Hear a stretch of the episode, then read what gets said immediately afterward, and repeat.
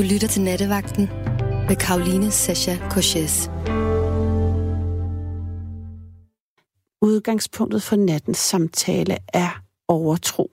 Altså har du øh, noget, du er overtroisk overfor? Jeg ikke engang se på, det hedder det, men er der noget, som øh, du gør nogle ritualer, hvor du banker på 3, 6, 7, 9, 13, når du ser en kat? Kan du alligevel ikke lade være med at spytte dig over skulderen?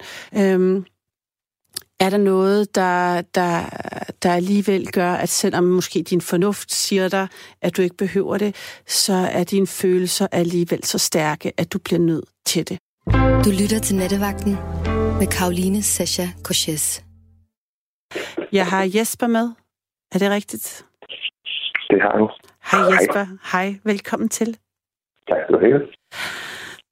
Hvad, Jesper, er du overtroisk? Nej. okay. Grunden til, at jeg trækker lidt Hvad siger på du? det. Jeg siger, grunden til, at jeg trækker lidt på det. Er du på medhør? Ja, Du må det- tale ind i røret. Jeg kan ikke høre det rigtigt. Jeg synes, det runger. Du, jeg har du er på headset. Jeg prøver lidt headset af i øjeblik. Ej, hvor dejligt. Siger Det er det her, du? Ej, det er meget bedre. Fantastisk. Så er det det, vi gør. Ja. Nej, jeg, øhm, jeg vil ikke sige, at jeg er overtroisk overhovedet ikke. Jeg har altid rullet en lille smule med øjnene øh, af sådan overtroiske historier. Øhm, og heller ikke religiøs eller, noget som helst. Jeg har aldrig sådan tænkt, du ved, hvad er din egen lykkes med? Mm. Øhm, så for otte år siden, en, øh, en onsdag morgen, så nogle af det, min far han ringer til mig. Øhm, og vi er ikke tætte i min familie. Vi snakker faktisk aldrig sammen. Øh, så ringer min far. Ja. Og jeg tænker, fuck, der er et eller andet galt. Ja. Fordi, altså, jeg taler aldrig med min far. Okay. Øh, og så ringer han og siger, at øh, min mor har fået en blodprop i hjernen. Og jeg tænker, fuck og helvede, fordi det er en onsdag morgen, og hun er på vej på arbejde på det her tidspunkt. Øh, I bilen. Ja. Bekræfter Men, øh, din far det? Han, han øh, fortæller, at der ikke er sket noget. Min mor har haft øh, fri den dag, og det samme har han. Han møder normalt øh, kl. 6 om morgenen, lang tidligere, og det her det var omkring kl. halv 8. Så de begge to været hjemme sammen, da øh, min mor har fået en blodprop i hjernen, og min far har været der til at hjælpe hende, og fået ringet 100 meget hurtigt.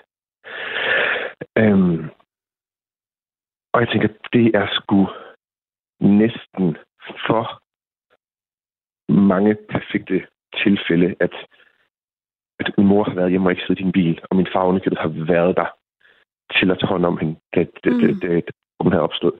Ja. Øhm, at der fik jeg sgu alligevel sådan for første gang virkelig i mit liv sådan en, der hedder, eller en, en, en følelse af, okay, der er et eller andet Mm. større end os her, som du også talte om øh, i begyndelsen af udsendelsen her. Der mærkede jeg et eller andet større. Jeg fornemmede, der måtte være noget, der havde øh, taget hold. Altså, de havde begge to taget fri uafhængigt af hinanden. De skulle ikke engang til at ringe dagen sammen. Min mor skulle til frisør pisse og lort. Øhm, og siden den dag, der fik jeg det sgu sådan lidt... Øhm, der begyndte jeg at blive, øh, blive fader hver, hver aften, inden jeg, øh, Virkelig? inden jeg gik i seng. Ja, og det var derfor, jeg trak lidt på det, at du spurgte mig til overtro, fordi Ja. ja. tro og overtro. Ja. Jeg tror, hvis man kalder religion for overtro, så falder vi mange for brystet. Øhm, så, og det er ikke, fordi jeg er blevet super heldig, og jeg er ikke begyndt at gå i kirke, men jeg har sgu fået det lidt med den der fader hvor, som jeg ved flere af mine veninder har med deres rynkecreme. Man kan lige så godt bruge den. Man kan lige så godt bruge den. Det er ikke sikkert, det virker, men det er bare træls at stå om 50 år og så se, at det har virket for alle andre. Så, så man bruger den lige. det synes jeg var den, den virkelig den mest øh, underspillede måde at forklare, hvordan ens spirituelle vej i, i livet. Jamen, jeg kan godt høre det. Jeg kan godt høre det. Men jeg er ret vild med det. Altså, jeg er vild med også, at du ligesom anerkender præmissen for din, øh, åndelige, øh, din åndelige vej. Jeg ved ikke, er det, har, er det en telefon? Er det, har, du en, har du en radio tændt? Jamen, du kan højtaler, ah, det okay. Det er det. Jamen altså, hvis du får ondt i hjernen, så sæt, den, så sæt, uh, til, så sæt høretelefonen på igen, for højtaleren, der kan jeg ikke høre mig i ekko.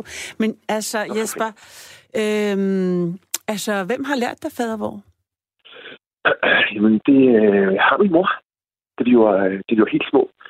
Og jeg ved egentlig ikke, hvorfor. Da jeg og min søster blev små, der havde vi altid fadervor om aftenen, tror jeg, indtil jeg ved sgu ikke, hvor gamle vi var.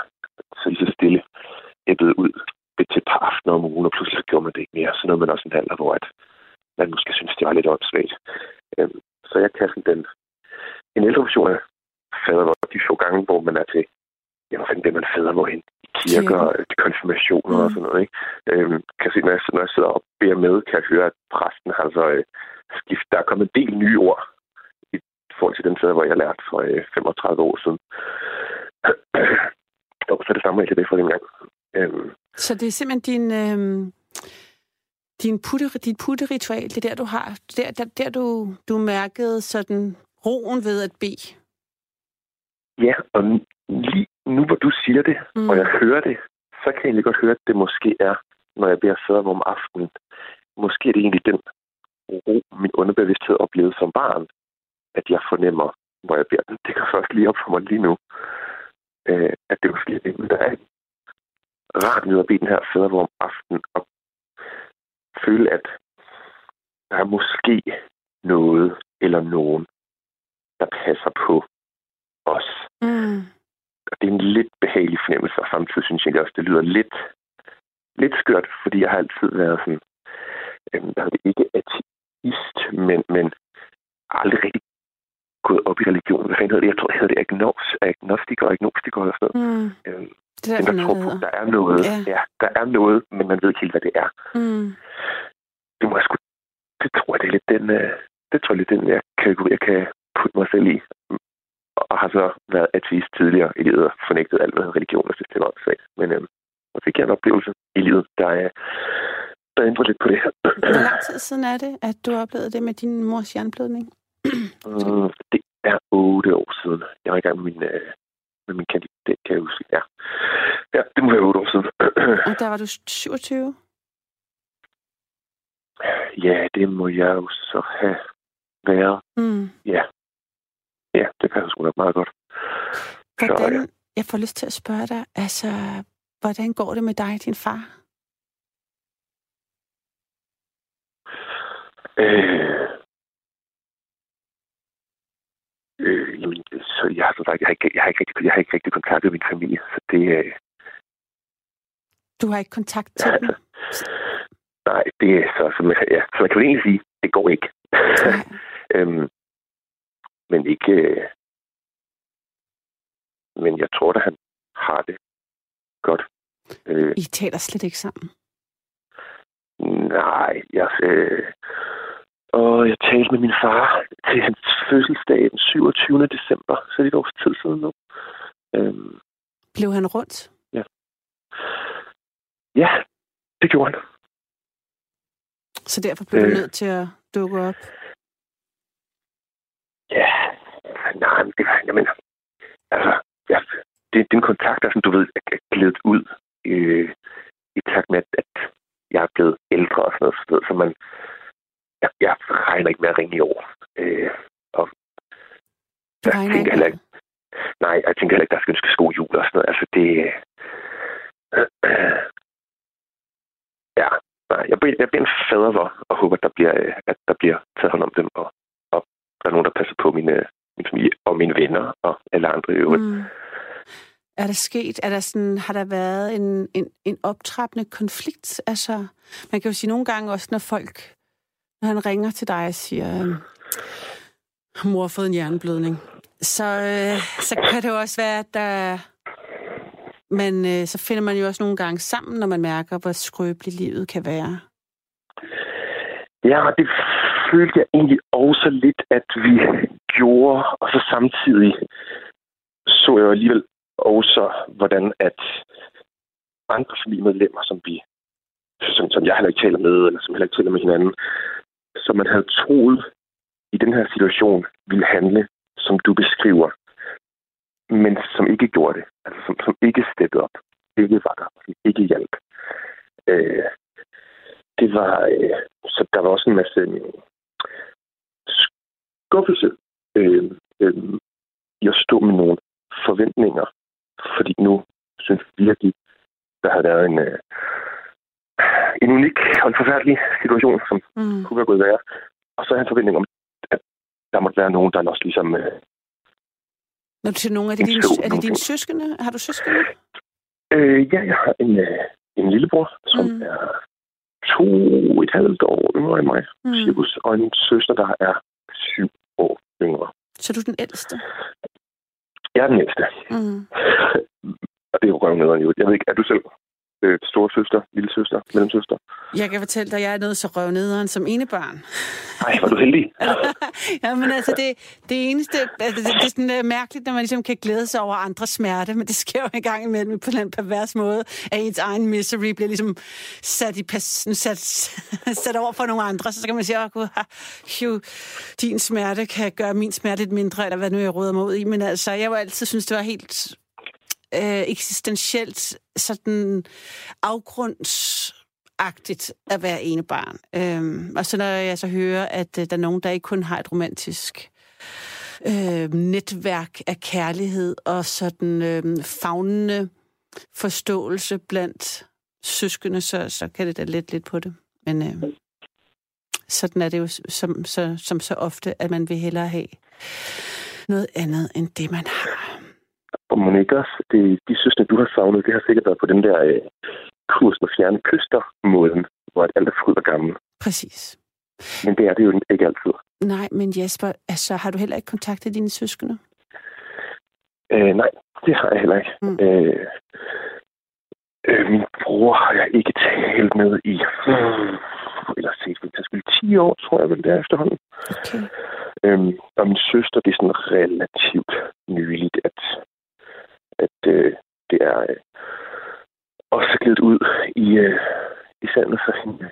Er det, den, er det det samme, sådan, er det den samme konflikt, nu kalder jeg det en konflikt, men er det det samme mønster, der ligger til grund for, at du har taget afstand fra din familie, eller de har taget afstand fra dig? Ja, det, mm. ja, det er det faktisk. Øhm, og det er en lidt sjovt, fordi at de har egentlig startet med at tage et afstand fra mig, og sådan ord, du ved, fortalt mig, at de ikke ønskede at se mig mere. Øhm, hvor jeg så sagde, fuck ja, det kommer I ikke til at bestemme. Jeg vil ikke tvinges ud. Jeg fortsætter med at dukke op til jul og fødselsdage og så videre. Og wow. hvis I ikke kan se på mig, så må I fysisk smide mig på røv og albuer. Men når man så har gjort det x antal gange, så fik jeg det sgu sådan lidt, okay, ja. hvor fedt er det at sidde her og holde Hold på min ret.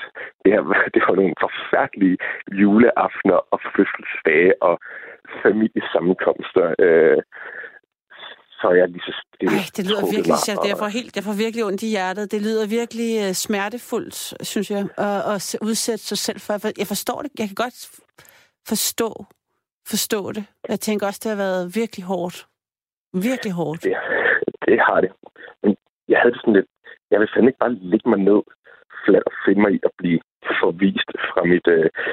Altså, kan du det? Jeg har sådan et... De op til kamp, ja. så er sådan et... Okay, jamen, jamen, hvis det er det, I vil have, så er det det, vi skal få, så lad os da ja, ja, fucking ja, ja. kæmpe. Øh, og, øh, jeg tænker også, at i det må der vel også ligge et, et, et håb om at blive set, og at sige, åh, undskyld, vi tog fejl, vi elsker dig, og så får man et knus. Det vil også være min drivkraft i min trods og i mit had.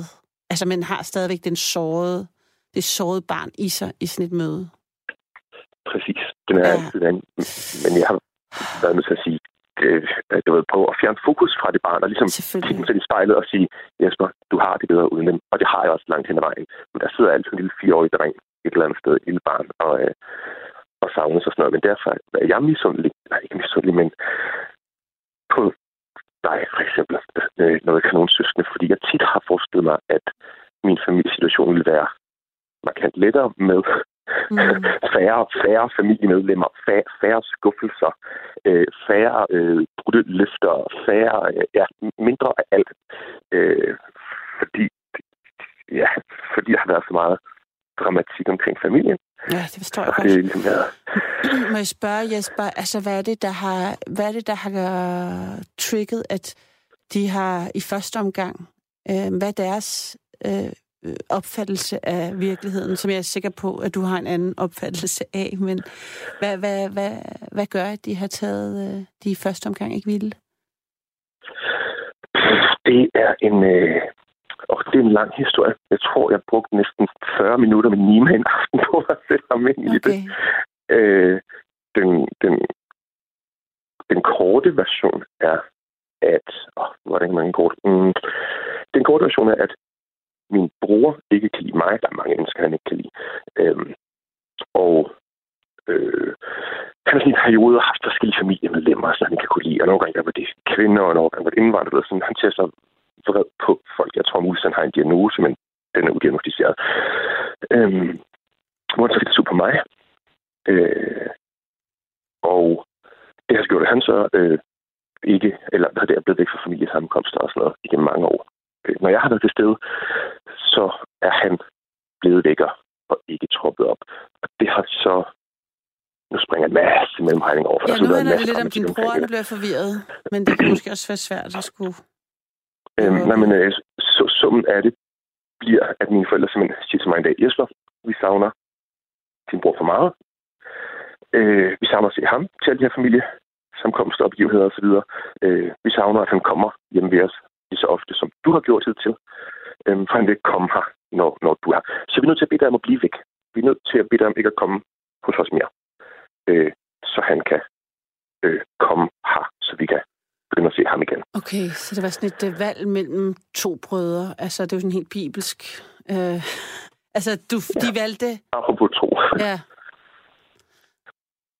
Okay. Og så øh,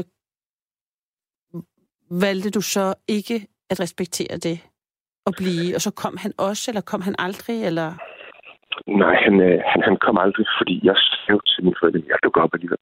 Øh, ah. Øh, og det de jo så fortalt ham, og så han så, øh, så han så blevet, blevet væk. Ikke?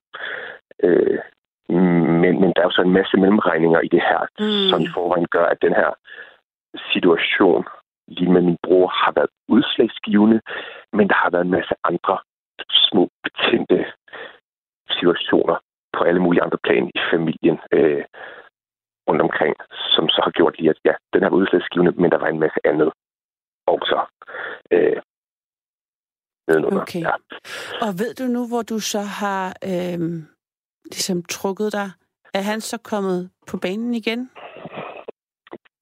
Det ved jeg ikke. Det kunne jeg næsten kun forestille mig. Mm. Øh, for man kan sige, at jeg har trukket mig, og mine forældre har jo fået det, som de egentlig selv efterspurgte, nemlig at jeg blev væk. Men tror du, da de spurgte dig, var, øh, altså, var de klar over, at du ville reagere sådan, og var de klar over, at de også ville miste dig på den konto, eller tænkte de, nu har du været der i to jul, nu var det hans tur i to jul? De prøvede at glatte ud med en, vi kan jo ses på skift, så mm. du kommer her i lige år, og han, din bror kommer her i ulige år, eller hvordan okay. det var i vinkel. Ja. Øhm, hvor jeg så sagde, mm, nej, jeg kommer her alle år. Okay. Øh, hvad de, øh, du glemte spørgsmålet. Du havde et eller andet spørgsmål. Jamen, jeg spurgte om, jeg spurgte om, øh,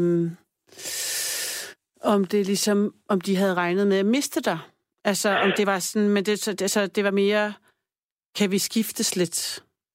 Ja, jeg og du, er helt og, du, og du tog det som et meget hårdt, når I vil aldrig se mig mere. Er det sådan, altså... Ja, for det var sådan, den oprindeligt blev lagt ud. Mm. Da jeg så øhm, gik imod dem, så blev den der, ah, men vi kan jo starte med at gøre det på skift, så blev den ligesom trukket ind som sådan en mm. udglattende faktor. Og jeg tror ikke, de havde øh, egentlig regnet med, at jeg hverken ville insistere på at at komme, eller efterfølgende trække mig helt fra dem. Det, det, det tror jeg ikke, de har haft med i deres øh, mm. overvejelser. Fordi jeg er storbror, har jeg altid været den person, som i forhold til mine søskende, Mm. skulle, du ved, øhm, være, være den store og have de brede skuldre, og de små har det svært, og nu mm. må Mm. du lige huske, og det er ikke dermed sagt, at jeg ikke også har fået en masse kærlighed og en masse hjælp, for det har jeg. Men i rigtig, rigtig mange situationer, synes jeg, jeg har skulle tage et ansvar, som ikke var mit, fordi jeg havde yngre søskende. Primært min yngre bror. Min bror har altid haft det svært.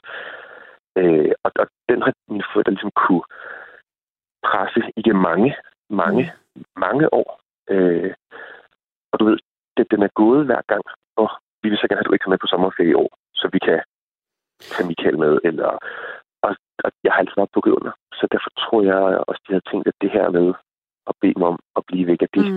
mm. det skulle nok gå. Det skulle vi nok øh, finde ud af. Men det er jo gidsninger. Jeg, jeg kunne godt tænke mig at høre, altså nu er du 35, du har, det her det er sket for nogle år siden. Hvordan har du ligesom skabt en ny familie omkring dig? Altså med venner, eller har du ligesom skulle, hvad er din chosen family? Hvad har du, altså har du valgt nogen? Eller sidder du alene til alle højtider og spytter på et billede af din familie, apropos overtro og voodoo-ritualer? øh, nej, jeg sidder ikke alene. Jeg har heldigvis nogle, øh, nogle dejlige venner, som har, øh, som har åbnet deres hjem op, og som jeg øh, venner, jeg har kendt igennem øh, 10 og 20 og 30 år, som ligesom har været med igennem hele mm. Det, min familiesituation, og kender min familiesituation, øh, som har grebet mig, øh, så at sige. Så jeg har øh, steder, jeg både fejrer øh, jul og fødselsdage og påske, og hvad pokker vi ellers fejrer. Så heldigvis ikke alene. Så, så, øhm, så det har virket at skabe dit eget, din egen familie for dig?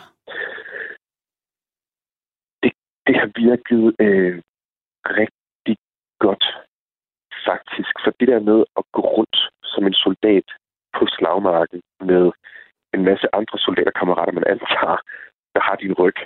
Og når så skal kæmpe en kamp, så er de der ikke. Og nogle gange så falder, falder de der faktisk i ryggen i stedet for. Så, så, så er det sgu bedre at gå ud på slagmarken selv og have sig selv at stole på. De andre soldater vil tale min familie. Øhm, det der med ikke at have nogen omkring en, man tror, man kan regne med, men man gang på gang erfarer, man ikke kan regne med. Det er sådan en belastning, menneskeligt og emotionelt, for det er bare skuffelse hver gang. Mm. Så at have taget det her skridt og sige, jeg skal nok ikke se min familie mere, det lyder helt forfærdeligt. Jeg kan godt høre, når jeg siger det højt, men det har været, det har været jeg kan mærke, at det har været en rigtig, rigtig stor lettelse. Der er virkelig meget øh, dram- drama, der mm. har Mm. forsvundet ud Mm. af min tilværelse. Løgne og forviklinger, og der, der er væk. Det eneste arbejder bare, det var det der lille barn, du også kom ind på tidligere, mm. der stadig sidder et sted, der aldrig fik den kærlighed fra sine forældre, som han egentlig ville have. Ja. Øh, Ej, jeg, men jeg vil gerne, altså afslutningsvis vil jeg gerne tale om øh, den lille, det lille barn, der græder indeni. Nå, men altså, jeg er altid nysgerrig på, hvad folk stiller op med det, ikke? Fordi det er jo sådan et, der forfølger en. Altså, man kan jo ligesom gå to veje. Vi har alle sammen i mere eller mindre udstrækning det grædende barn i os, og så i, især i 20'erne er vi ligesom styret af det, ikke? og så kommer vi i 30'erne, og så er der et andet sted, så skal man sådan, så går det op for en, okay, det at være voksen har ikke noget med alder at gøre, det har noget at gøre med, hvornår tager jeg ansvar for mig, og hvornår kan jeg give de andre skylden, ikke? Og øhm, afhængig af, hvor, hvor voldsomt øh, det grædende barn hulker, så skal man ligesom tage forskellige midler i brug for at prøve at få det healet og trøstet selv, ikke? Og så er jeg altid er nysgerrig på, hvad, hvad du har gjort så. Altså, du lyder jo som en, altså, en mand, der ellers virker ude i verden. Det er jeg så ikke spurgt til, men altså... øh, det er også ikke meningen, at jeg skulle grine, men altså, det kom jeg bare til i, ja, i bare i al sin øh, absurditet, som livet jo tit springer os ud i. Altså, har, du, har det overmandet dig, eller øh, er du, er du derude, hvor du tager tøj på og går ud og Ja. udfører en handling, der giver dig nogle penge og giver en eller anden mening til dit liv og til samfundet, og går tilbage igen og tænder for fjernsynet og laver mad. Altså, er du på den måde en del af samfundet på normal vis? Det er jeg øh, absolut. Det, ja. Der er ikke noget, der er, øh, der er knægtet i mig, så at sige. Okay. Men jeg har en frygt om, at en dag, når mine forældre går bort, hvis ikke jeg har fået kontakt med dem inden ja. Da, så kan ja. jeg godt blive lidt i tvivl om, hvordan jeg kommer til at reagere på det. Ja, det kan godt forstå. Øh, tidspunkt. Men øhm, mm. for fanden, det må, øh, det må tiden jo vise. Jeg, har, jeg, jeg prøver sådan at slutte fred med det, som det er mm. nu. Øhm, og så må vi tage, nu siger vi, så må jeg mm. tage de udfordringer, der øh, kommer senere hen. Fordi det der ja, lille barn, det tror jeg, det tror jeg for evigt vil sådan ligge uforløst. Øh, ind i mig i hvert fald, og der er måske andre, der kan genkende til det, at jamen, jeg er nødt til at komme videre selv. Det betyder ikke, at der, var, at der ikke er noget, jeg savner fra det, jeg forlader. Det er der helt sikkert. Men man er nødt til at komme, komme videre selv. Øh, og så må det der barn, så må vi, så må vi se, hvad, hvad jeg gør med det, når situationen opstår. Har du fået børn? Nej, det har jeg desværre ikke. Men det kan du jo nå, det, du har jo god tid.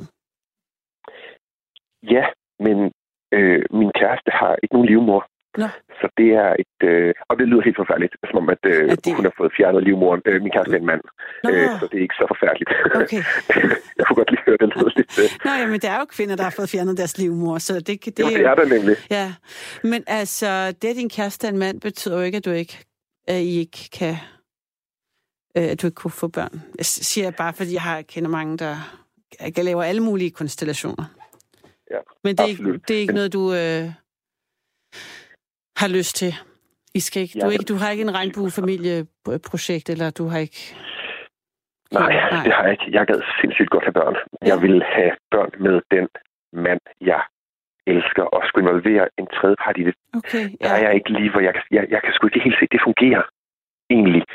Øh, for mit vedkommende, øh, når man er to voksne, der deler gener, men måske ikke noget kærlighedsforhold, sammen, og kan nogen, du ved, sådan, jamen, gider du hen i morgen, for jeg skal arbejde over? Jamen, det er fuldstændig lige meget, for det er din uge, du ved. Når man ikke har den her... Øh, det, jeg, jeg kunne godt være bange, men måske kunne risikere at modarbejde hinanden, hvis man havde nogle forskellige værdier eller et eller andet. Mm. Jeg, jeg ser det bare som ikke problematisk, men så i hvert fald ikke uproblematisk. Ja, det, det er da også udfordrende, men, men altså, det, det er jo, tror jeg, som det kan det være i alle konstellationer. Og din kæreste, ja, er han, er han øh, typen, der vil have børn? Eller I... De, øh, jeg, jeg er helt sikker på, at jeg vil, jeg vil det mere end ham. Okay. Helt sikkert. Ja. Øh, vi har bragt, bragt emnet op. Øh, han er øh, så heldig, at han har nogle søskende, som har børn. Mm. Jeg er mm. så, så heldig, at jeg har nogle gode venner, som har børn. Øh, så vi har heldigvis børn i vores liv, og som vi er meget, meget tætte med. Mm. Øh, hvor jeg får lov til at hente unger i, får lov til at hente unger i børnehaven og sådan noget. Jeg synes næsten, det er en glæde. Og min veninde og hendes mand er bare glad for, at jeg ja. gider det. Ja. Øh, så jeg har nogle børn i liv, og jeg kan virkelig også godt mærke, det hjælper også mig rigtig meget med helingsprocessen. Jamen, for det, det var derfor, jeg spurgte faktisk. Det var i forhold ja. til, det var ikke, altså, jeg, jeg, jeg har ingen holdning til, om, altså, om det er godt at have børn, eller ikke have børn, eller jeg kan sige, hvordan jeg selv har, har det med at have at fået et barn, men det er ikke noget, altså, jeg prædiker, men det var bare fordi, at det jeg oplevede selv ved at øh, blive mor, var jo, at man genlever sin egen barndom via sit, sit barn, og man ligesom genlever ja ens eget øh, forhold til ens forældre, fordi man lige pludselig bliver opmærksom på, hvordan de har sagt forskellige ting til en. Hvordan er det, øh, man har fået at vide, at ting er rigtigt og forkert, hvad man er blevet opmuntret til. Der er sådan en helt ny palet, der åbner sig for en, som ellers var ligger ubevidst, fordi det er nogle andre... Altså lige pludselig skal man jo selv til at gentage noget og skabe en form på et menneske, og det, man kender, er jo det, man selv har oplevet. Så banalt det end er, og så ser man sig selv helt overrasket jo gentage tit det, man ikke brød sig om. Øh, og så nogle gange, så forstår man faktisk, jeg har i hvert fald haft nogle aha-oplevelser, hvor jeg troede, det var noget, der havde gjort noget, men så i virkeligheden var det det andet. Eller, altså du ved godt, det er sådan meget komplekst, og det, det har lært mig enormt meget om mig. Ved at, det skulle, ved at skulle øh, være mor for et andet barn. Så derfor så tænkte jeg, jeg tænkte bare, at det med, at når du fortæller mig, at du er bange for, at når, din, at når dine forældre dør, hvis du ikke har på en eller anden måde forsonet dig med dem, så vil du fortryde det. Det hører jeg dig sige, og så tænker Det kunne jeg også frygte. Ja. Altså, så, så kunne det være, at øh, altså tit er det at få børn jo sådan en anledning til at skulle i hvert fald kommunikere med nogle forældre og sige, nu du fået et barn, barn. Du ved, sådan, eller, eller der kommer, kommer noget op, der gør, at du enten kan øh, ligesom forsone dig, hvis det er det, du har behov for. Ikke? Fordi det er jo, på et andet tidspunkt skal det være, fordi det er godt for dig. Jeg kunne give slip på det had, og kunne give slip på den sorg, og så møde dem, som de nu er. Ikke? Men det kan jo være lidt af, det er jo lidt af sagt end gjort, når, når man er så såret, som jeg kan høre, du er. Men jeg ikke spørge dig om noget? Jeg synes, at du fortalte med børn var sindssygt uh, interessant. Har du et eller andet eksempel, hvor, øh, som du talte om for et øjeblik siden, en situation, hvor du har stået i og tænkt, Gud, det her oplevede jeg fra min egen mor i forhold til mig, da jeg var barn. Og nu står jeg selv i situationen og ved, hvorfor hun gjorde, som hun gjorde dengang. Forstod jeg det ikke. Jeg synes, det var, det var vildt spændende, det du påpegede med. Og, øh... Ja, men det er jo tit sådan meget... Øh... Det kan være små ting. Altså, det kan være øh, sådan helt sådan noget små, små, små ting med, at mm, min mor laver enormt god mad. Og hun går meget op i, at øh, altså, niveauet er ekstremt højt i forhold til, hvordan hun holder hus. Så der er gjort meget rent. Alting er altid meget, meget ryddeligt, og der er meget... Øh, aftensmad har på alle hverdage været, hvad jeg forstår nu, som voksen med et barn, været på et ret højt niveau af det sådan kulinarisk øh, kunden og gøren. Og det har taget tid.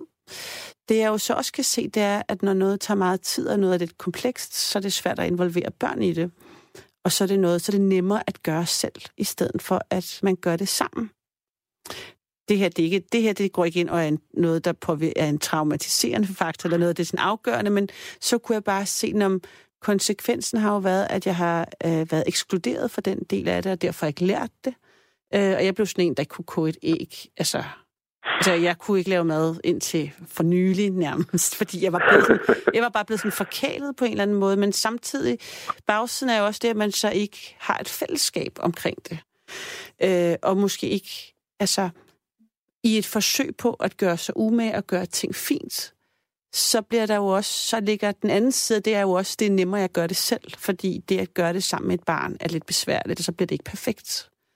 Og der bliver man jo også tilsidesat, øh, og får ikke lært nogen ting, øh, og ikke inkluderet. Øh, og der er enormt meget potentiale i at stå og være... Altså, jeg skulle også sige, at nej, jeg behøver ikke at slave mad og dække bord, mens og sende mit barn ud. Hun kan også være en del af det. Det er faktisk noget, vi kan gøre sammen, og samtidig er der en opdragende effekt i, at man er fælles om at tage ansvar for et måltid, og man ser, hvor lang tid det tager, og ved at være en del af det, så værdsætter man det måske mere. Altså bare sådan en ting, som jo er... Øhm, ja, det var bare en lille ting, men som, kunne, som sætter alt muligt i gang. Det var et pissegodt eksempel. Det der, seriøst, lige præcis det eksempel der, det du har siddet og fortalt nu, har fået mig, for min mor var på præcis samme måde, og præcis som du beskrev der. Så lige præcis det, du beskriver nu, har fået mig til at se på min mor på en ny måde, fordi vi blev ekskluderet som børn i madlavningen. Og så videre. Du har lige givet mig en aha-oplevelse. Jeg forstår lige pludselig nogle ting i den historie, du har fortalt, som jeg ikke forstod ind til for et kvarter siden. Nå, men det er... det er jamen, velbekomme. Det er, det er øh, jeg er glad for at øh, du kunne bruge. Men, øh, og sådan er der, altså det er sådan en perlerække af aha-oplevelser, kan jeg så hilse at sige, at blive forældre. altså på godt og ondt. Ja. Det er jeg slet ikke tvivl om. Og tro mig, jeg gad godt have de her oplevelser selv. Vejen han er bare lidt længere, især når man så synes, man, er, at man ikke gider kaste tid i regnbue-emnet, du ved. Så, det er, det er også fucking svært at insistere på at en kæreste øh, uden livmor, så samtidig siger, at øh, jeg vil ikke regnbuefamilie. Jeg synes, det er så, så gør man det fandme også svært for Jeg har aldrig hørt en homoseksuel mand definere øh, sin, øh, sit valg af partner som en kæreste uden livmor. Det synes jeg er den mest vilde måde at sige, at du er kæreste med en mand på. Når du bare har sagt det et par gange, eller bare hver gang du siger det. Så, men det er måske også, fordi jeg kender folk, der har haft kræft, eller jeg ved, jeg, jeg, jeg ser bare nogle andre voldsomme billeder i mit hoved. Jamen, det kan så omformulere det. Men du, du siger vel ikke, du fortæller vel ikke om ham, eller som, det er min kæreste uden livmor, altså, eller det siger man vel ikke, eller siger du det tit, eller hvordan kommer du overhovedet på det? Altså. Jeg tror, det er fordi, når man er her i midt-30'erne, øh, ja. og sådan har det jo været allerede så slut så begynder alle omkring ind at få børn, og alle spørger ind til det, og det er tit et emne, ja. når man er ude og møde folk, eller Jamen, jeg er også ked af, at det blev et emne, jeg spurgte dem. Det var, fordi det var specifikt relevant i forhold til, din forhold, til dit forhold til dine forældre, jeg spurgte. Ja, det er så fint, det er okay, så fint. Det er ikke fordi, altså, jamen, det er fordi, jeg selv var meget, jeg fik barn sent, så derfor var jeg, jeg synes, det var så sygt grænseoverskridende, at folk som det mest naturlige spørger om noget så personligt som om hvorvidt man skal have et barn eller ej, fordi det kan da være, at der er tusind årsager. Og tit er jo alle mulige følelser forbundet, og nogen har prøvet flere gange, og de har mistet det, eller kan ikke, og vil gerne, og vil ikke, og synes de, altså der, kan, der er meget forbundet med det. Jeg synes, det er næsten overgrebsagtigt, at hvad man som i hvert fald kvinde bliver mødt med, at den type spørgsmål fra man altså nærmest slut 20'erne. Nå, så det var bare lige den, jeg reagerede på, at øh, når du siger, at, alle din, øh, at du har den her samtale tit med din kæreste uden livmor. ja, det er fordi alle omkring en får børn, så bliver mm. man også selv øh, spurgt ind til det. Og så mm. tror jeg bare, at jeg begynder at smide det her kort, fordi det netop... Ja, det har jeg sgu ikke tænkt over, men det er sgu nok, fordi det lyder lidt chokeret ud. Folk kommer lidt instantly kæft. Nu forstår jeg det godt, ja, at det får folk til at holde kæft og ligesom bare feje, feje af. Ja, det forstår ja. jeg godt. Jeg har egentlig ikke tænkt på det før nu, men det er sgu nok derfor, jeg har... Øh, ja, ja, men det giver mening i den, i, i, i den sammenhæng. Bare sådan, get it, det er lidt mere indviklet herover. Jeg vil, altså, jeg kan ikke bare... Ja, jeg forstår. Men altså, jeg har også, jeg har også, jeg kender også øh, heteroseksuelle mænd. En single heteroseksuel mand, der også lavede et arrangeret forældreskab. Okay, fedt. Ja, jeg har set nogen søge på Tinder efter en forældrerelation, hvor, det, hvor de skrev, øh, ingen, øh, jeg vil ikke have sex, jeg vil ikke have noget seksuelt forhold, men jeg leder efter et forældreskab uden potentiale for, øh, ja, at det hørte det, altså, jeg, der var en, der viste mig det, for der som havde taget screendump af det, fordi det var så vildt. Det synes jeg var bare ja. i sådan i studiet af menneskelige øh, veje til at prøve at få drømme opfyldt, så tænker jeg bare, jeg håber, det lykkedes. Det var en kvinde. Øh, jeg synes bare, det var et vildt sted at lede efter en forældre, en sæddonor. Men ikke kun det. Det var også, yeah. altså, det var ikke kun, det var faktisk var det jo, det var for flad i. Det fordi der, det er jo en meget større ting at skulle dele et forældreskab, end det skulle være at, øh, altså dele. Jeg tror faktisk ikke engang, det var sæd, hun var interesseret i. Hun var bare interesseret i at have en, være med for, en medforældre, og hun søgte både, det kunne enten være en kvinde eller en mand. Altså, det var så okay. avanceret. Ja, hun var også for svag. Jeg ved ikke, om det gør noget, men altså, der var i hvert fald... Men det er min kæreste også. Det gør noget. Det Nå, gør en forskel. det gør noget, ja. ja Han er svensk. Ja. ja. De er godt nok dygtige til det der politiske ja. korrekthed derovre. Det, ja. Hold da op. Og han er ikke interesseret i at, at outsource det med til nogen? Øh, jo, det er han langt mere åben for, end, øh, end jeg er. Ja. Jo, meget mere. Øh, så jeg tror måske også, det er derfor, han ikke øh, du ved, tænker så meget over det og føler sig så meget klar til børn PT, fordi han har lidt en idé om, at jamen, når den tid kommer, så er det den mulighed, der så er det det, vi gør. Ja. Agtigt. Øh, og så den skid ligesom slået. Ja. Men øh, altså, du har, jo, du har jo god tid. Altså, jeg kender også en, hvor hun fik et en enlig, en enlig lesbisk fik med et par, et homoseksuelt mandepar, øh, hvor han faren var 69. Altså, så du kan ligesom... Han havde sådan en ung... Ja, så det var sådan... Øh, øh, du har, du kan jo... Du har jo ikke en tidsbegrænsning på den måde. Altså, du kan jo gå, tænke, gå længere tænke over, om du vil eller ej, og måske kan det være... Ja, der er også en, der siger, det er rigtigt, at sangeren Ricky Martin valgte at bruge en rumor. Vil det være en option for dig, Jesper? Det ville det absolut. Nå, Ja. Det er okay. Det synes jeg faktisk er, det synes jeg er meget vildere. Men altså... Er det rigtigt? Ja. Men altså, det er også fordi, jeg, jeg har en helt klar oplevelse af, at der sker virkelig meget øhm, kommunikation og sådan grundlæggende etablering af, af sådan følelser, mens man har sit barn i maven. Altså, øh, kommunikationen mellem mig og barnet, mens det er ved at blive lavet, tror jeg spiller ind. Jeg tror, det spiller altså selv, altså, jeg tror, det er, jeg tror, det er vilderen, som så, at øhm, de der homors børn bliver fjernet fra deres mødre og givet væk. Jeg tror, jeg tror, ja, jeg vil sige, øh, jeg tror, det gør noget. Det tror jeg helt sikkert også. Og det der med rumøder er også en helt og aldeles egoistisk tanke, hvor jeg tænker, det ville fungere bedre frem for mig. Altså mm, helt absolut, forstår. det vil jeg foretrække.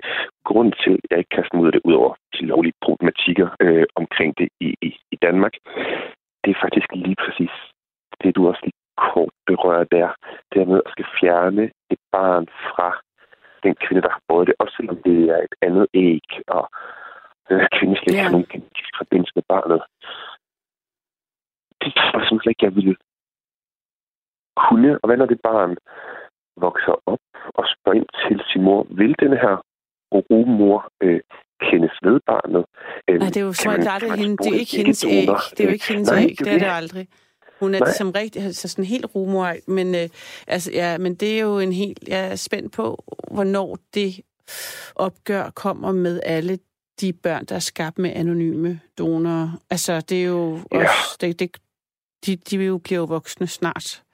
Der er jo nogle af dem, der allerede er det, men øh, det er jo ikke uproblematisk heller. Altså, det er der jo rigtig mange, både enlige kvinder og lesbiske kvinder og alle mulige, der vælger at gøre. Altså, fordi det er nemmere for tusomheden, eller for den enlige ikke at have en, et anden, en anden voksen med krav. Men jeg kender altså også... dokumentarserie om det. Men det tror jeg, der allerede er. Altså, jeg synes faktisk, der er. Jeg har bare ikke set. jeg mener, Nå, okay. jeg, har set, jeg har set overskriften. Øh, men, men, ja, men jeg, har, jeg kender altså også eksempler på, at det, det virkelig kan give noget. Altså, noget godt. Men det kommer jo på, hvor kontrolfreak man er, og hvordan man kan... Altså, at det er jo en, det er jo en hjælp at være mange. Også om at hente og om at kunne økonomisk, og om at tage fra og, og give. Ikke? Det kommer an på, hvad det er, hvor meget man vil det hele selv, tænker jeg også. Må jeg spørge dig, er du egentlig mor, eller har du en partner? Ja, øh, altså, jeg er øh, øh, egentlig mor, altså, men jeg har, altså, jeg fik barnet med hendes far, hvis det, hvis okay. altså, sådan, men jeg er blevet skilt fra faren. Nå, det sagde du skulle også indledningsvis for fanden, ja. ja. Og det var, det var lige her i år. Du har haft et lorteår, faktisk. Jeg har haft et lorteår. Men altså, på den anden side, faktisk var året før endnu værre. Og året nej, før ja, det så, nej, på nej, fanden. Så på mange måder har det her også været et på trods af al den, al den dårligdom, jeg nævnte, så var der det her stadigvæk næsten været det bedste af de dårlige år. det har været det mindst dårlige det år det mindst dårlige, ja. Ej, så derfor tænker jeg, at det er vendt nu. Altså, jeg har også haft møl. Altså, alt cashmere, alt uld, det er hullet. Bare for at sige, for ligesom bare at tage dybden af, altså hele paletten. Hvor er jeg glad for, at du lige tog skilsmisse og møl, og lige hive det ind i samme vending i beskrivelsen af det lort, du har gennemgået. Jamen, altså, der var der alligevel noget, ja, nogle, nogle dyre Max Mara-jakker, jeg havde arvet fra min farmor, og det, okay. andet, og det andet øh, godt, som, som jeg det var der ulykkelig over at se øh, smuldre for mine øjne. Mm. Det var, jeg tror, jeg har faktisk haft det som tema, men det følte, fordi det føltes enormt middel. Det føltes gammelt testamente. Det føltes som syv plager. Fordi de der mølger åbnede et skab, så væltede det ud med sådan hundredvis af møl, sådan fløj ud. Det føltes meget som en scene fra en sådan en apokalyptisk sådan, øh, film. Altså sådan den der lige, der hvor man mærker, at nu, lige om lidt, så går jorden under, fordi den her sværm af kæmpe dyr overtager og spiser os alle sammen. Og først startede dem i klædeskabet, så næste gang var det dit kød. Det var sådan, derfor det gjorde indtryk på mig. Så er jeg nødt til at spørge med glimt i øjet, hvor sjældent har du åbnet det skab? Jamen, jeg forstår det. Det, det, altså, det var jo været, det var jo ligesom, øh, der har været lukket om sommeren, fordi det er sådan klædes, altså sådan garderobeskabet i, i, i gang. Jamen, altså, åben, at de, de klikkede ud meget hurtigt. Jeg ikke ved det ikke. Det var... Jeg aner heller ikke en kæft om det. Det var også et dumt spørgsmål. Jeg tænkte bare, det lød voldsomt at åbne et skab, og var der 100 møl. Så tænkte jeg, okay, så må det skab have været lukket virkelig længe. Ja, men de, jeg tror også, de kan, de, de, de, når de først er i gang, altså når det lige er den rette temperatur, så tror jeg bare, de går bananas. Ja. Det kender vi jo også godt fra om sommeren, når ja. man er single og på stranden. Når det bliver varmt, så går vi også, man går helt bananas. Okay, men det kan være, det er min næste sommer, det skal være sådan. sådan. Jeg har aldrig helt været typen, der gik bananas på stranden. Men, men det kan blive. Nu er du jo single. Det er det, det er så er der jo lejlighed til det. Ja, men bananas på stranden, det er fordi, jeg faktisk ikke så godt kan lide øh, at svede, og jeg kan ikke så godt lide sol, og jeg er også... Øh, jeg vil helst ikke blive brun på grund af min hud. Så på den måde vil jeg hellere gå bananas et andet sted, hvis det er okay. Jeg har det på samme måde. Nu er det anden gang, at du siger en ting, og så siger jeg noget, så siger du, du har det på samme måde. Nu bliver, så synes jeg, det er suspekt. du, sagde lige, du, gik, du sagde lige, du gik bananas på stranden. Nå, nej, jeg prøvede ligesom at være mere indikere sådan det med at gå bananas. Du ved, når, når det er varmt, og det er sommer, man retter rundt og ikke så meget tøj på, så giver man så pissekod, og så retter man rundt til højre og venstre, hvad, hvad jeg ikke har lavet øh, mange no. sommernetter. Så no. det var mere sådan en, et, et billede af den at, gå bananas. Nej, jeg kan sgu heller ikke. Jeg hader strand. Jeg hader øh, at komme... Siger, fortæller du mig, at du tøjte om sommeren? Da jeg var single, øh, ja. Men jeg tror ligesom meget, det kommer fra, at jeg er en mand, og at jeg boller med mænd. Ja. Og mænd ofte er nogle tøjter, og ja. ikke rigtig har nogle veninder, der står og peger på dem, og kalder dem tøjter. Vi high-fiver det til en anden sted, for så ja. bliver meget hurtigt sådan en uh, ja. opvildende... Uh, Ja. Nej, jeg gider sgu heller ikke ligge på stranden. Du sindssygt solcreme, og man er fucking fedtet, og der er sand over det hele, og man bliver solbrændt, og nej, jeg skal simpelthen sidde i skyggen og pleje min skummetmælkesfarvede hud, og jeg er røvtræt af at komme hjem efter en tur på stranden, og så kraftede mere sand op i røven, end der findes i hele Ægypten, altså. Ja, så er det, fordi du øh, er nudist, eller hvad? Fordi at øh, man får kun sand, hvis man... Eller... Ligger du, ah, laver okay. du sådan en, hvor du ligger i strandkanten meget, altså sådan, og, og, og sådan, og, og øh, hvad var det? Var, det? var det Madonna, der havde sådan en musikvideo, hvor hun lå rullet rundt? Eller en Mariah, har sådan noget Mariah Carey, har sådan noget meget langt tilbage, hvor man ligger og ruller i en strandkant. Det kunne have været dem begge to. Ja. Ja, det er Madonna, ikke? Sådan en sort-hvid en. Og du kender dig med, når man kommer ind fra stranden, hvordan man kraften har sand i øjenbrynene og i håret. Og... Jo, jo, jo, jo, jo, jeg har da også ja, haft sand i... Ja, jo. Okay, jamen altså, øh, jeg, jeg, jeg spørger, nu spørger bare, har det med din seksualitet også haft noget, har, de, har, de, har du også oplevet noget i forhold til din familie omkring det? Har det, har det også været et issue, eller ikke? Øh, det har været et issue på den måde, at da jeg øh, sprang ud allerede i folkeskolen, mm. i sådan en lille provinsby over i Midtjylland, ja, øh, der, øh, jeg, jeg var egentlig ikke klar til det, var fordi der var nogle, nogle øh, nå, det, det, det er en historie, det var noget, jeg selv valgte. Øh, men det betød, at efter jeg øh, sprang ud, der blev min yngre bror drillet rigtig, rigtig meget. Og jeg mm. tror muligvis, noget han havde mod mig i dag, kan komme fra ah. den gang. Ja. Altså han, så vidt jeg havde mig forstå, fik rigtig meget at høre for, at han havde en homoseksuel storbror. Øh, og her der er vi også tilbage i, hvad er det? Øh, jeg skulle til 95, det er det ikke. 2000 har det vel nok været. Men det er så vildt, at det stadigvæk er sådan. Jeg synes, det er så vildt, at det stadigvæk er et issue.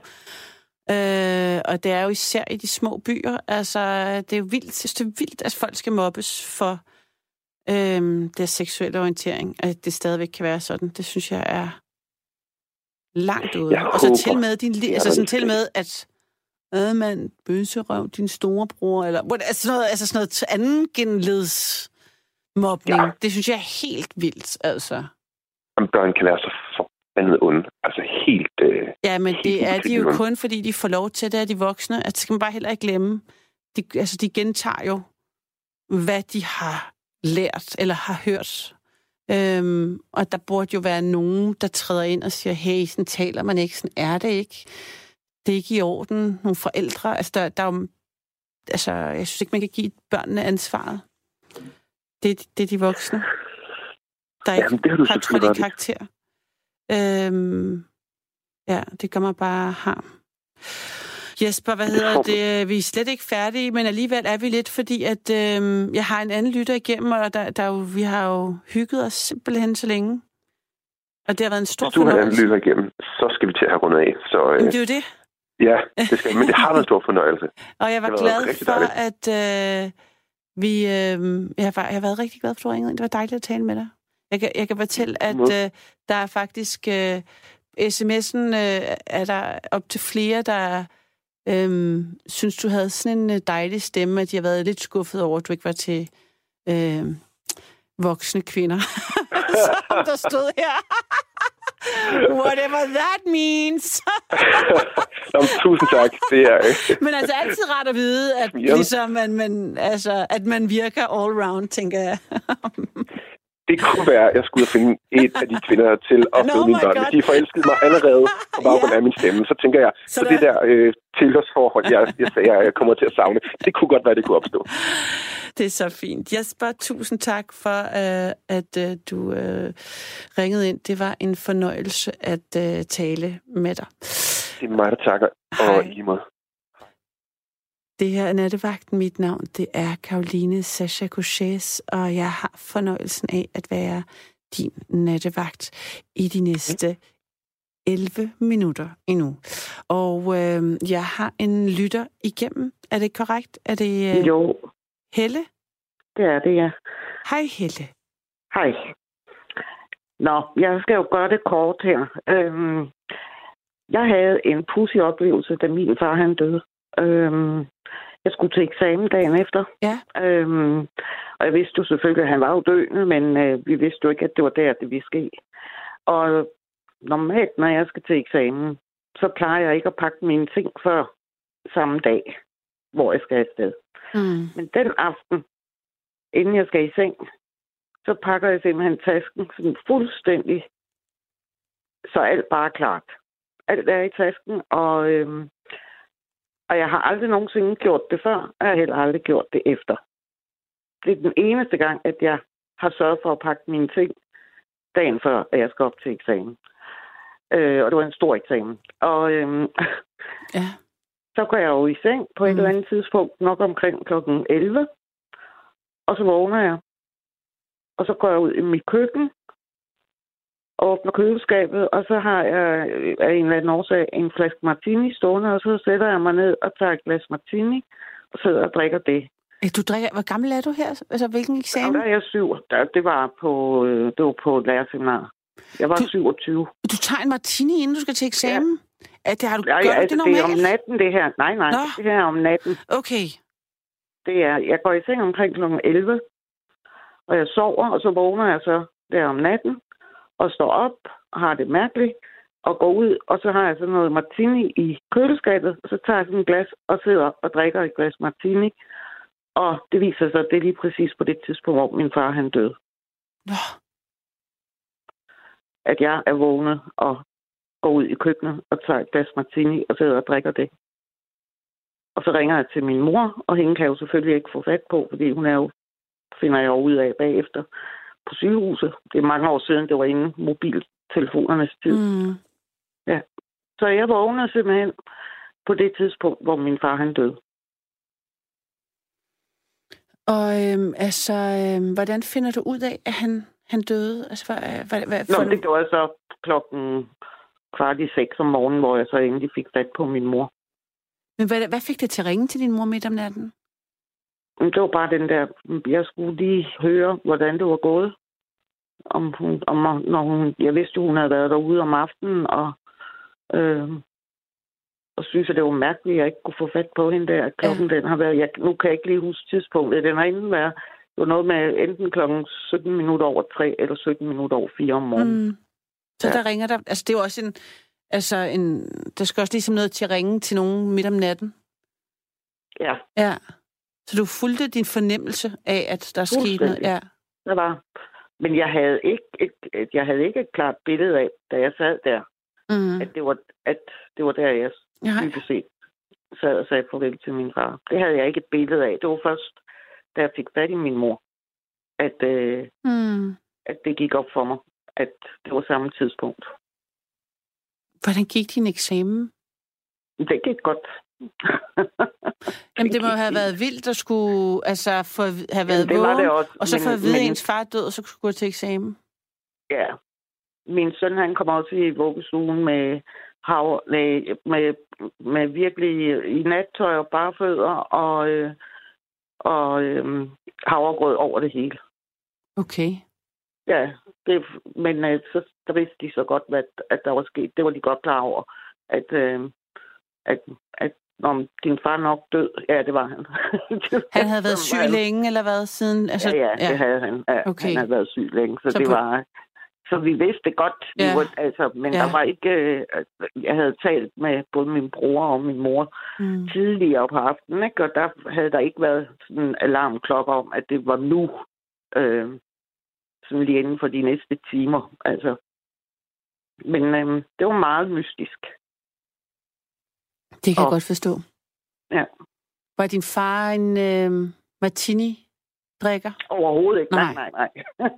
jeg ved ikke, hvorfor jeg havde den der flaske martini. Det havde jeg bare en eller anden grund. Det kunne være, ja. der var brugt til nogle drinks eller et eller andet på et tidspunkt. Det skal jeg ikke kunne sige. Så øhm, det lavede jeg den nat. Har du oplevet, at han... Altså, sådan, når du tænker tilbage, følte du, han kom hen og sagde farvel? Eller altså, tænker du, har du tænkt det sådan, Nej, eller er det for meget? Nej, ikke på det, ikke på det tidspunkt. Nej. Men, men altså, nu er også, altså min mor hun døde for 10 år siden, og det her, det er så, så er det 29, så det er 27 år siden, han døde, min far, ikke? Men, mm. Men efter, at, at min mor er død også, og oveni også min storesøster, der kan jeg godt fornemme et nærvær af dem indimellem. Ja. Sådan en fornemmelse af, at de, de sådan dukker op og lige er her. Ja. Ja. Er det noget, der skræmmer dig, eller noget, du godt Nej, kan nej, lide? det- Eller... Det er super fint. Ja, Det er rigtig godt. det er godt Det må de forstå. gerne. Ja. Ja. Så det er ikke sådan, at du tænker, åh oh, nej, de er ikke kommet over på den anden side Nej, nej, nej. Det er jeg helt sikker på. Altså, jeg har sådan et billede af, at de sidder deroppe på en eller anden mega bjælke, lidt af sådan en lang gyngeagtig ting, og der sidder de så samlet alle sammen, Mm. hvem jeg nu har mistet igennem mit liv. Ja. Øhm, og så sidder de der og hygger sig for sikkert en øl og en snaps og griner. ja, Ja, fortæller gode historier. hvor dejligt. Og så holder de øje. Det er jeg Ja. sikker på, de gør. det er sådan mit billede. Ja, men det Ja. er der nok, fordi det er sådan, tænker jeg. Jeg tænker, de der billeder, man har, de kommer jo af noget. Ja, altså. Men det giver i hvert fald god mening inde i mit hoved, ikke? Mhm. Øhm, Men det er også, det er, det er fordi, altså, vi snakker, du siger, det giver god mening i dit hoved, men det lyder også, som om det er en kropslig oplevelse. Ja, det er det også. Altså, du kan mærke det, du siger, det giver dig ro, og du kan mærke det, det er jo en fysisk ting, så det er ikke kun i hovedet. Nej, det, det er det også, ikke. Ja, ja. Det var bare, øh, det, det, det slog mig lige nu i forhold til for eksempel Jesper, jeg talte med før, som synes, der vi startede med at tale om fader, hvor det giver en ro. At det Ja. er ikke bare noget, man gør med hovedet, man kan mærke det med kroppen. ja. Og det gør det jo også lidt større end bare en beslutning på en eller anden måde. Men det er som om, at vi ikke vægter, hvad vi mærker med kroppen, giver vi ikke lige så stor værdi, som det vi øhm, tænker med hovedet. Man kan godt mærke, at vi kommer i en kultur, hvor tanken har en større kraft er end, end følelserne, ikke? Og, og det vi mærker, jo. selvom på en eller anden måde burde de jo være næsten i højere kurs. Mm, Ja. Vores fine følelser og vores, øh, ja, vores følelæme. ja. Nå, men altså. Det er jo det, det, der gør, at vi overhovedet, at det er sjovt at være her, og vi, Mm. øh, ja, vi kan. Men jeg har dem meget, altså jeg har dem meget nær på mig. Altså jeg er lige flyttet til en meget lille lejlighed, Mm, og, og øhm, har skulle, altså virkelig skulle ud i mine ting. Og der er jeg simpelthen stået og øhm, med for eksempel en, et sted, som vi altid har fået æbleskiver i. mm, Øhm, og jeg tror, det var noget, de fik til deres, mine forældres bryllupsdag i 47, ikke? Mm. Øhm, og der står jeg simpelthen og snakker med den og med mine forældre og siger dem, I kan jo godt se, den kan jo ikke være her. nu er jeg jo nødt til at komme med den. og så står jeg og får en snak med, med det der fad. Æbleskivefadet. Ja, er fint. Men altså, på den måde oplever jeg jo faktisk også, at det det ting kan. Altså, de har også en manifestering af noget energi og nogle minder, og øh, ja. det er både det, der er, derfor det er vigtigt at skille sig af med dem nogle gange, og også derfor det er dejligt at have dem. Helle, ja. det er nu. Jeg vil ja. sige tak for en fornøjelig, kort, men godt. Og jeg Nå, glæder mig til at tale med dig en anden gang, hvis du har mod på at ringe ind. Det her er slut på nattevagten. Mit navn er Karoline Sasha Couchés,